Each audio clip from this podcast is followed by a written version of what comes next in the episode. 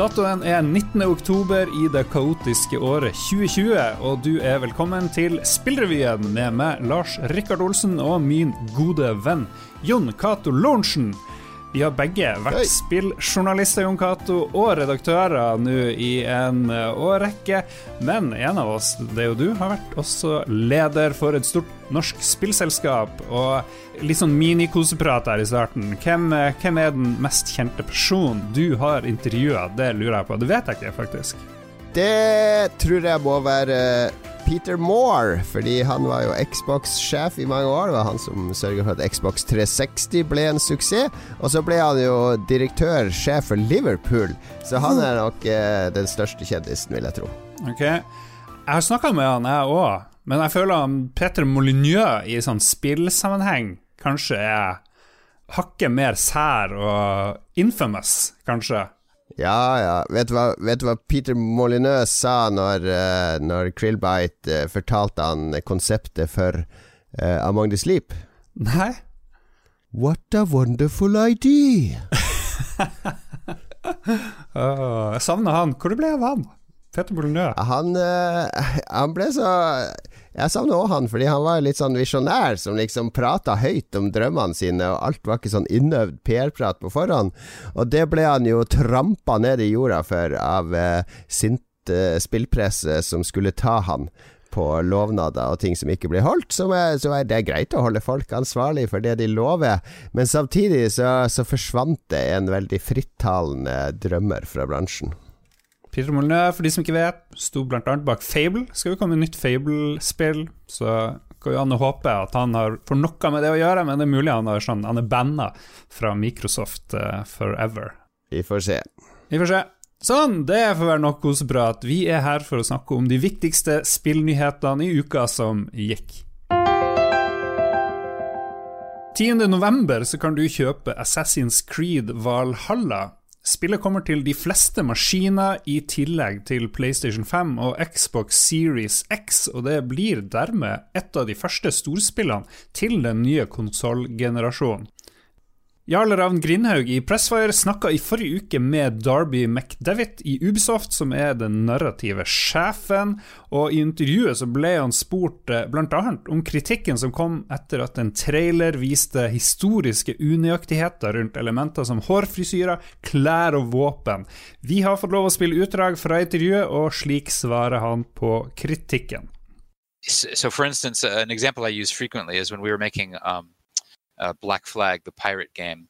we've obviously discovered that um, pirates actually don't get into a lot of gunfights because their primary tactic is to just scare people. Um, but we thought long and hard about how we would make a game where you just run around scaring people when the image is a uh, the, the feeling you want is to is to have a more visceral kind of um, action uh, feeling. So we decided to move away from the actual historical reality to put you into more of a gameplay mindset, to put you into the feeling of being a pirate, and then we could like let the actual reality of the pirate experience um, happen in maybe the story or in some cutscenes or in other parts of the game. So the same thing goes with Vikings, where the overall game we try to make it a believable and credible experience, but we do um, sometimes we we stretch things sometimes because uh, we also know that we're probably only going to make one Viking game and not a game that spans out the entire 350 years of the Viking Age. So we sometimes incorporate things from the forward and backward, you know, the, or ahead and behind the the time period we're in. And the last thing to say is that um, what you're looking at is a marketing asset, and a marketing asset tends to cram in as much as things as possible into a sm- short period of time to get people hyped. The actual long form experience of the game is, I think, a far more credible and immersive Viking experience. We do uh, exaggerate things for the sake of awe and wonder and beauty. Uh, for instance, the size of Roman ruins, for instance, uh, we want them to be sort of awe-inspiring. Um, so, so no Assassin's Creed game has been like uh, 100% accurate. Um, but the overall experience, I think, when you take a, what you take away from the game as a whole, I think will transport you fairly well. And I think uh, historians will find a lot of interesting things that we've done. As as and uh, some exaggerations as well. Jon Cato McDevitt sier at de ikke går for 100 realisme. og Tar du parti med historikeren som klagde på traileren, eller har du forståelse for spillutviklerne? Jeg har forståelse for forklaringa og lite forståelse for kritikken. ok. Nei, men jeg syns det er Dette er noe sånn der uh, spilljournalistikk, uh, mindreverdighetskompleks eller behov for å være kritisk. Tenk hvis Tarantino skulle bli intervjua om Inglorious Bastards, så skal du påpeke Ja, men det var jo ikke sånn under andre verdenskrig. Det, det, det er jo kreative friheter. Altså, i, i, innenfor alle uttrykk. Det er jo ikke ment å være en historiesimulator. Alle som har spilt Assassin's Creed og vært oppi disse eh, da, datamaskinene som liksom tar DNA-et ditt og transporterer deg tilbake i tid, og hopper fra kirketårn som er 40 meter høye, og lander i en høyvogn. Det er jo ikke realistisk. Jeg har aldri ment å være realistisk. Det har ment å være et tidsbilde av andre tidsepoker, og, og liksom gi oss muligheten til å leke oss innenfor andre tidsepoker, uten at det noen gang har påberopt seg at det her skal være en 100% autentisk opplevelse. Så å begynne å kritisere hårfrisyrer og klær og sånne ting da mener jeg at du som spilljournalist ikke gjør jobben din, for det er mange andre temaer uh, du kunne spurt om og utforska. Og så kan man kanskje vente til kulturproduktene er ute og komme med eh, genuin kulturkritikk av de, i stedet for å sitte og kikke på trailere og gameplay-reveals og annet reklamemateriale, og prøve å lage en sånn kritisk slagside mot, eh, mot eh, hva man prøver å få til. Jeg er helt enig. Jarle i Pressfire spurte også McDevitt eh, om metoo-skandalene som har herja selskapet, og da svarte han sånn her. Um, well, it's obviously very um, unfortunate to ev- for everybody. We're, we, this kind of behavior is unacceptable. Um, th- this team is fortunate, at least in that the majority of the work was done. We were in a closing. Uh, we were in a closing phase, so um, everyone, every team was really just heads down, uh, f- focusing on just polishing up their part of the game. Um, but uh, I, I, don't really have a whole lot to say about that, other than that um, uh, it was uh, um, a shock to the team, and and and as a company, we don't condone that. As as a person, personally, personally, don't condone that at all, and we want to be, you know, see things improve going forward. Mørkredd fra norske Hypergames blir det første spillet som kommer til den nye konsollgenerasjonen. Selskapet har gjort en avtale med Microsoft som gjør at spillet kommer til Xbox GamePass i desember. Og Jokato, er det noen fordeler med å gi ut et spill tidlig i en konsollgenerasjon? Ja, det er uh, kjempefordeler. Altså, det er to, to, ting som skjer da. Det ene er jo A, når det er sånne lukka konsollgenerasjoner som det har vært før, altså at de ikke har vært bakoverkompatible så, så, har du jo vært i et litt sånn eksklusivt selskap der du har mange kjøpeklare kunder som trenger nye opplevelser på sine, sine nye nybakte konsoller. På den andre side så er det jo mye færre kunder. Altså det, det, er jo ikke så mange maskiner på markedet. Men du får en voldsom verdi i å være tidlig ute ved at uh, de som eier konsollene, altså Sony, Microsoft, Nintendo, hjelper deg mye med å markedsføre eh, alt som er nytt og spennende på konsollen. Så, så du, det er veldig lav terskel for å bli inkludert i trailere eller nevnt av Major Nelson, som er Xbox sin ambassadør osv. Som, som er god promo for spillet ditt. Hva vet vi om uh, Mørkredd uh, fra Hypergames? De lagde jo før det her Egg, som et veldig artig det, det er nok et spill uh, Det er nok et spill som har sitt utspring i det, vi, det som jeg før uh, nevnte, som, nemlig NME Gameplay, som er denne årlige konkurransen der norske spillutviklere konkurrerer om 100 000 kroner i premie på å jamme fram et spill med et tema. Uh, dette er et spill som de da har videreutvikla videre, som har vært opprinnelig et fireplayer samarbeidsspill, der man skal trille en kule som lyser gjennom mørke områder. Uh, I min tid i Krillbite så ble det testa ganske mye på kontoret jevnlig. Uh, Så jeg er litt inhabil hvis jeg skal bedømme det. si det litt inhabil. Blir det en hit? På, uh, det må være en grunn til at Microsoft inkluderer det her i GamePass, tenker jeg. Det passer vel inn i profilen. Det er uh, co-op-spill, gjerne coach co-op òg, som uh, vel er, uh, er en artig sånn der sidesjanger på konsoller. Uh, det ligner ikke på så mye annet. Så har det en estetikk som er veldig vakker. Den har svart-hvitt, uh, lys og mørke estetikken, med et uh, strålende lydbilde av Krillbite sin lydmann Martin Kvale. Vi går bare videre med mer Xbox-nytt. Microsoft har delt de 30 spillene som vil være optimalisert for de nye Xbox-maskinene når de kommer i salg 10.11. Tidligere nevnte Assassin's Creed er blant de her, men eh, noe interessant eh, oppi det hele er jo at det er ingen konsolleksklusive titler ved launch. Og det har vel kanskje ikke skjedd før, tror jeg. Det har vel ikke kommet en PlayStation eller en OIA til og med, eller en uh, Virtual Boy uten at det kom et spill som du kun kunne spille der. Og har det så mye å si, tror du, for gamere som nå skal investere i en ny konsollgenerasjon? Jeg er litt usikker akkurat her. Det, er, det, føles umiddelbart veldig rart, men samtidig så er det i tråd med Microsoft sin visjon om at Xbox er ikke eh, delt inn i lukka eller segregerte plattformer, men er mer en slags eh, stige der alt kan spilles bare på ulike nivåer med ulik optimalisering.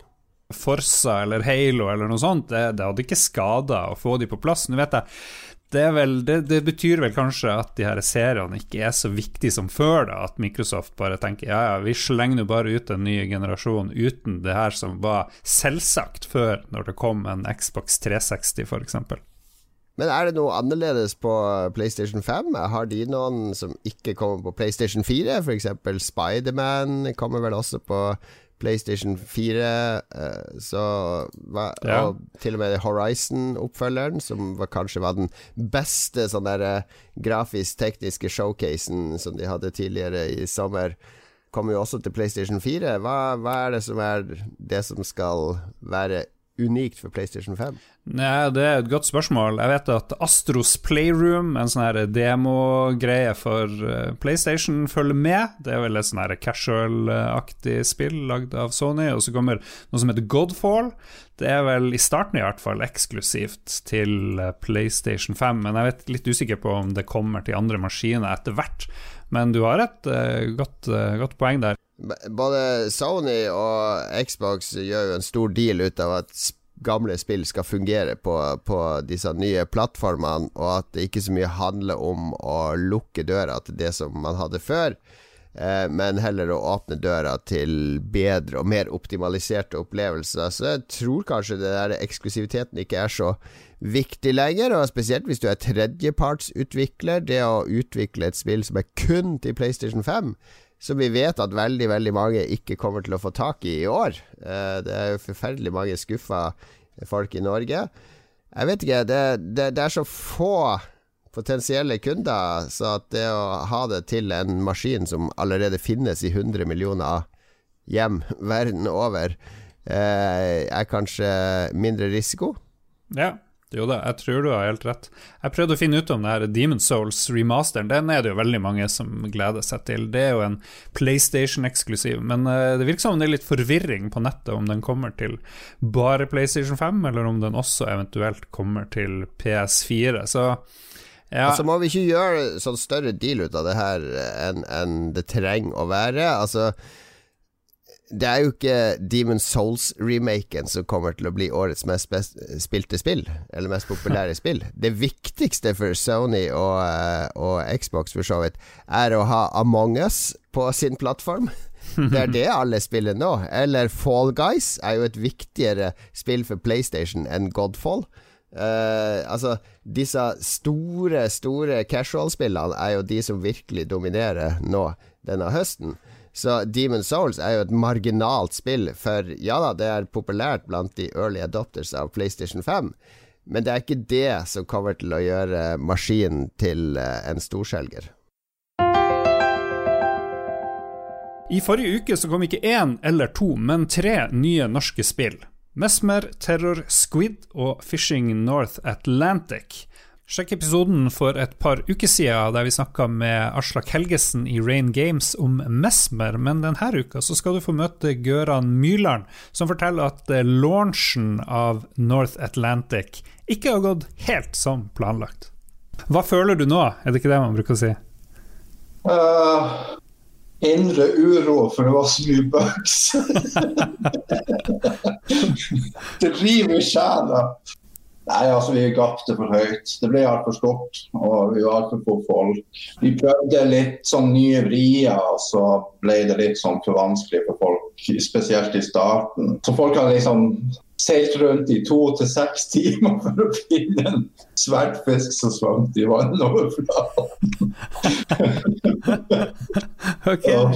Ja, det er jo sånn som skjer. Er jo, du er jo ikke de første som gir ut et spill som må fikses litt på deg. Det, det er jo trøsta, kanskje. Ja, det er noe sant. Altså, Spillene er jo mye mer komplisert i dag. og Det er så, det er for mange ting som skal snakke sammen. så det er jo skal lage et perfekt spill, så må du jo opp i en sånn CD Project size nesten. for å Men Red Dead Redemption hadde jo masse glitch og sånne ting. så ja. Men det er jo de her bugsene som egentlig vi burde ha sett som egentlig er sånn ah, sånn save game, crew er borte når du loader og litt sånne småting. Men, men det er ikke så alvorlig som det var med Fishing Balance sånn sett. sånn at um, Det er jo de major-bugene som folk kikker på. Ja, men ellers er jo spillet veldig stabilt, så folk har jo spilt. Han ene ja, japaner han streamte i fem og en halv time. Så noe må jo funke. Veldig artig. Ja, men for å gi eh, folk som hører på et lite bilde av hvor mye større og mer komplisert er, er eh, North Atlantic i forhold til Barents-versjonen? Altså, kartet er jo eh, gigantisk. Vi har jo 200 ganger 300 km over Nova Scotia. Vi har seks byer som vi har bygd fire av byene er vel én-til-én-skala. Det, det høres ut som dere er veldig ambisiøse, da? Ja, vi var kanskje litt for ambisiøse um, med tanke på size. Vi ser jo nå vi skulle ikke hatt med 26 båter for å balansere 26 båter med, ja, med alt av utstyr og oppgraderinger og alle de tingene du kan gjøre.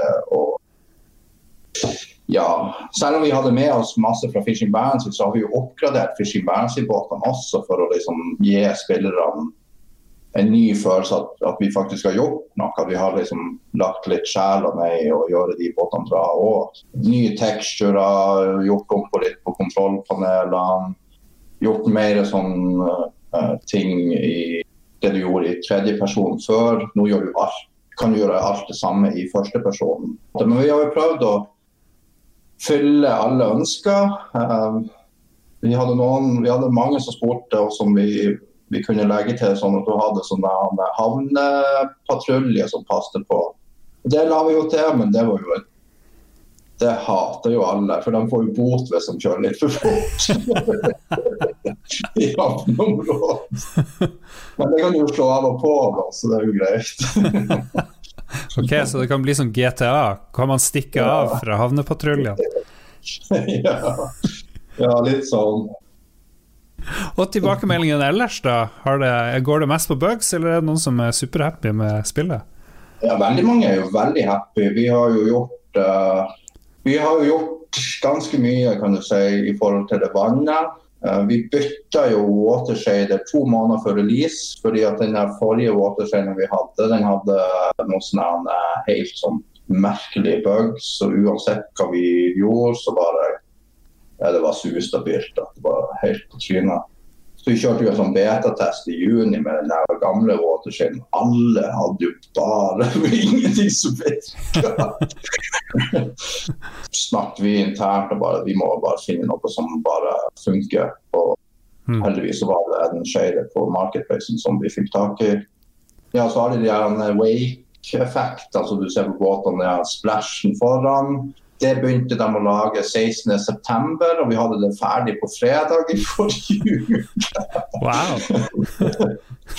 Det har vært ganske intenst. Oh. Er du klar for en liten ferie nå, kanskje snart, når ting roer seg?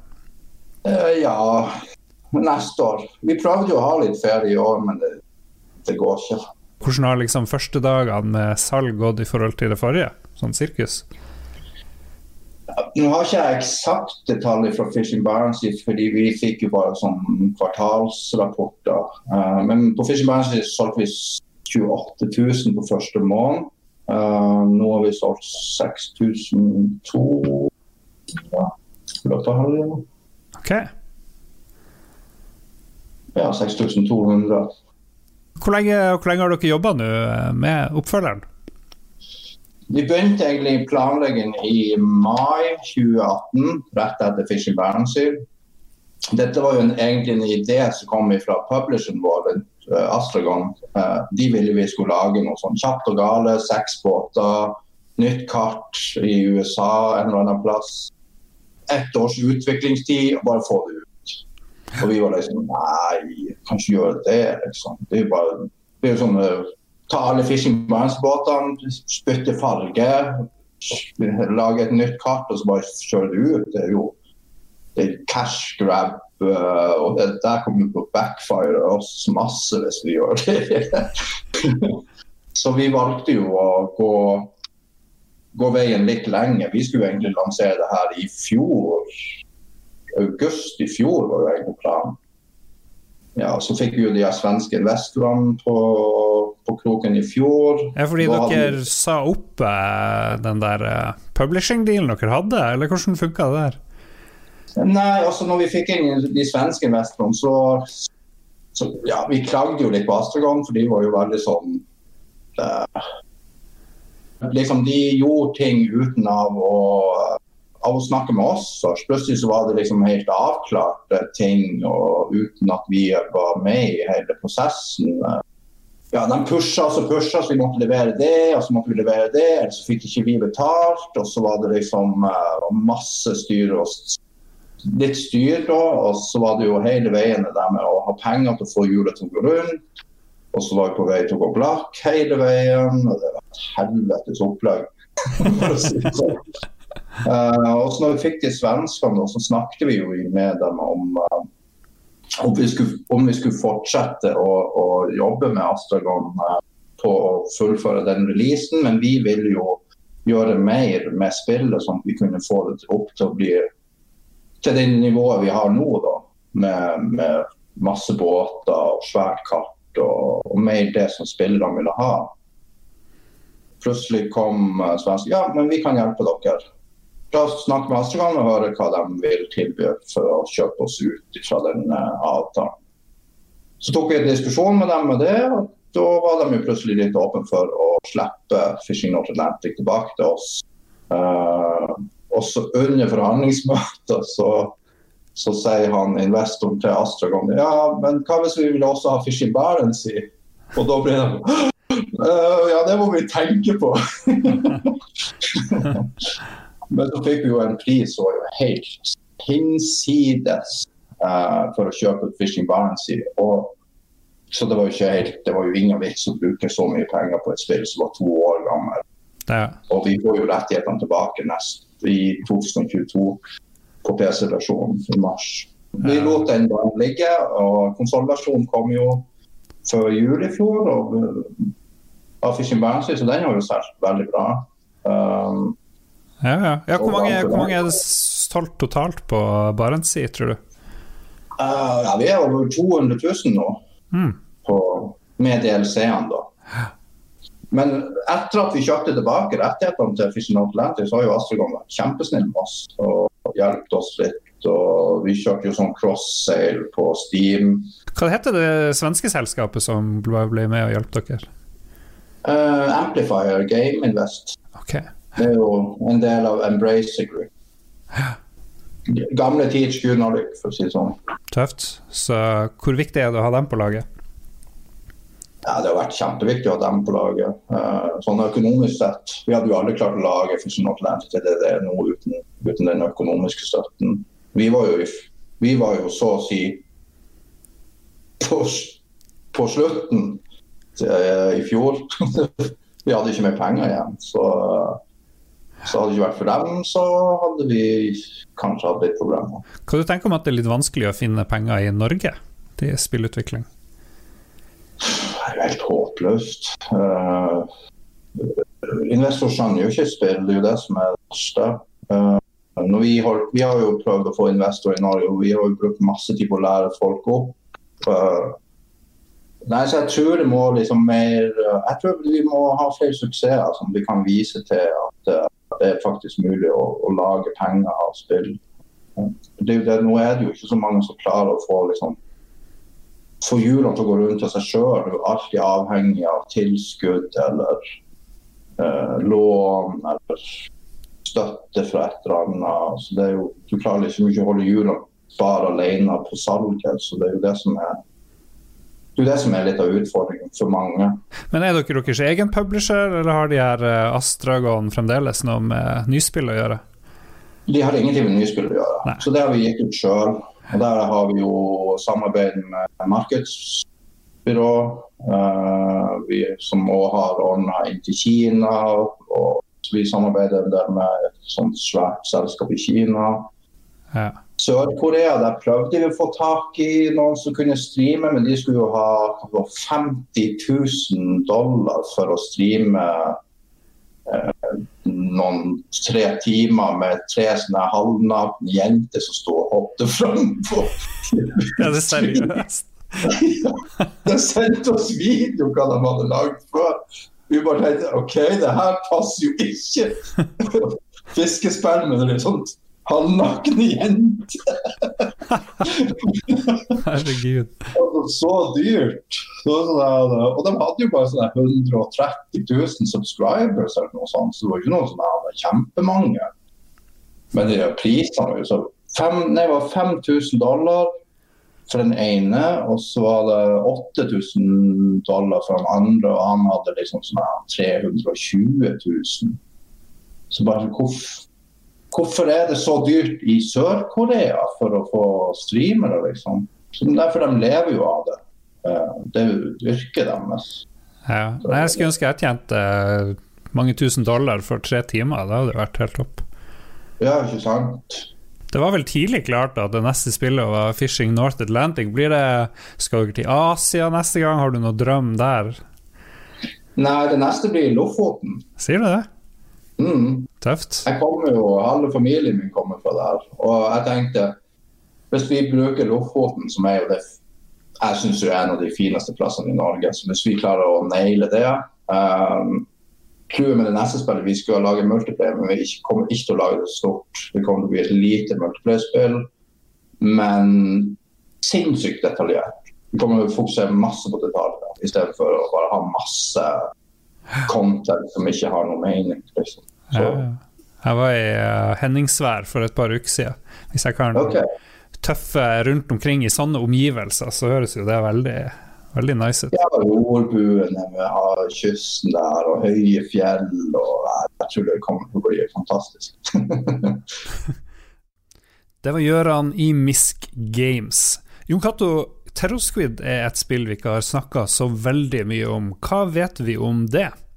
Du, det er et spill laga av uh, Try reklamebyrå, faktisk. Uh, de uh, de har jo en del digital kompetanse, og så deltok de på NM i gameplay uh, i, for et år eller to siden, og så vant de med spillet Terror Squid.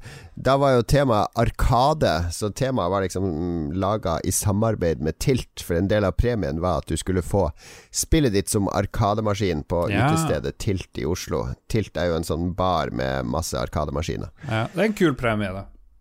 Ja, ja, og det ble ganske kul automat. De lagde jo et veldig sånn der uh, helhetlig arkadespillkonsept. Uh, og nå har de også gitt det ut uh, da i Ja, så folk kan spille det hjemme. Kjøper det og spiller det hjemme.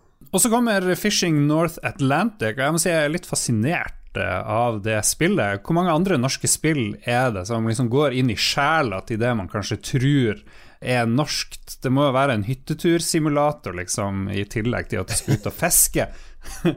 Burde være en oljeplattformsimulator. Hvorfor, hvorfor, er det ingen som lager det? Det er det mest norskeste av alt det norske, kanskje. Nei, det her er jo Det er noe veldig norsk med disse fiskebåtene og fiskeskøytene og trålerne som legger ut og soper opp fisk fra havet og tar det med inn til havnene sine.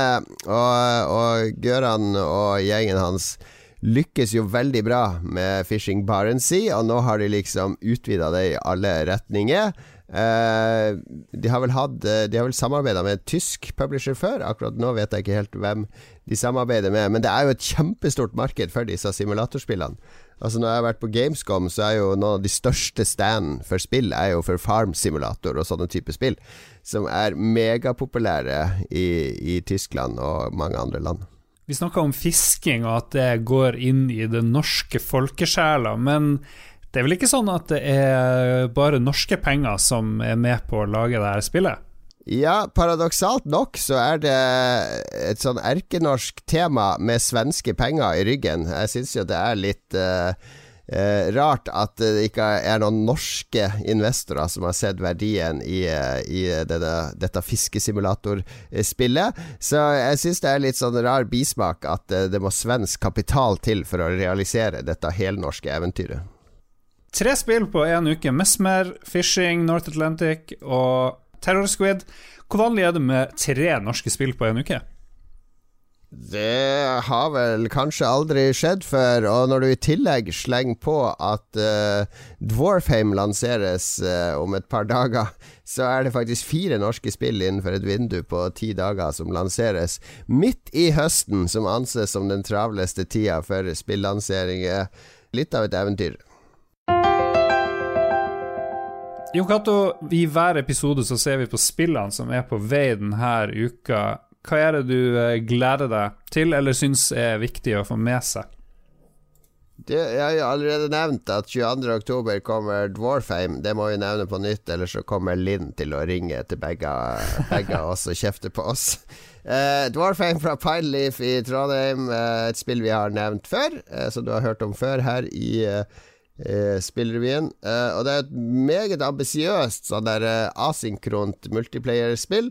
Veldig inspirert av World of Warcraft, der man har ulike roller og skal bygge og beskytte basen sin mens man angriper eh, motstanderen. Um, så jeg krysser fingrene for at dette kan bli en litt sånn der kult kult ja. suksess på, på PC. Veldig sånn det er sjelden vi får sånne veldig PC-sentrerte spilleopplevelser fra norske spillutviklere. Dette er jo RTS. Ja, så. de har jo vært veldig flinke eh, i Pineleaf og hype det her spillet, spesielt i Norge. Jeg har aldri fått så mange henvendelser sjøl, i hvert fall, om et spill og sett, sett dem inkludere så mange i, i betatesting. De har jo delt ut betanøkler til Jeg tror alle i Norge har fått en betanøkkel nå, faktisk. Det er noe sånt. Får det sammen med fødselsattest og betanøkkel mm. til Dwarfame. Det er eh, sånn det fungerer i Norge. Eh, altså 20. oktober, to dager før Dwarfame, så er jeg litt spent på Amnesia Rebirth. Eh, det er jo svenske Frictional Games som er eksperter på å lage førsteperson horrorspill. Eh, de, eh, de, satte jo en høy standard med det første Amnesia for flere år siden. Så nå kommer de altså med et nytt kapittel i Amnesia-serien som heter Amnesia Rebirth. Perfekt tima til halloween. Vi avslutter jo hver sending med et godt tips. Jeg vet ikke, Det handler kanskje om halloween denne gangen? Ja, det gjør det. Jeg, jeg, jeg, anbefaler å se litt gode skrekkfilm nå i halloween. Jeg har nettopp sett den gamle West Craven-klassikeren The Hills Have Eyes fra 1977 eller der omkring. Der det var hun, Dama i den filmen la veldig kjensel på. Hun var veldig veldig kjent. veldig kjent Hvem er det, hvem er det? hvem er det? Ah, det er mammaen i ET. Mammaen i ET kan du se eh, i The Hills Have Eyes med West Craven. Den er god. Før vi legger på, så kan vi fortelle at eh, vi samarbeider med Pressfire, og du må gjerne gå inn og lese deres eh, nyheter og støtte dem på deres Patrion-side. Det kan du også gjøre med Lolbua. Vi har en eh, Patrion-kampanje der du kan få litt artige ting tilbake for din støtte. I tillegg så kommer vår andre podkast Lolbua hver onsdag, og så kan du sjekke ut den nye podkasten i Lolbua-nettverket som heter Ragequit. Det var det vi rakk. Vi høres om en uke. Ha det bra. Ha det.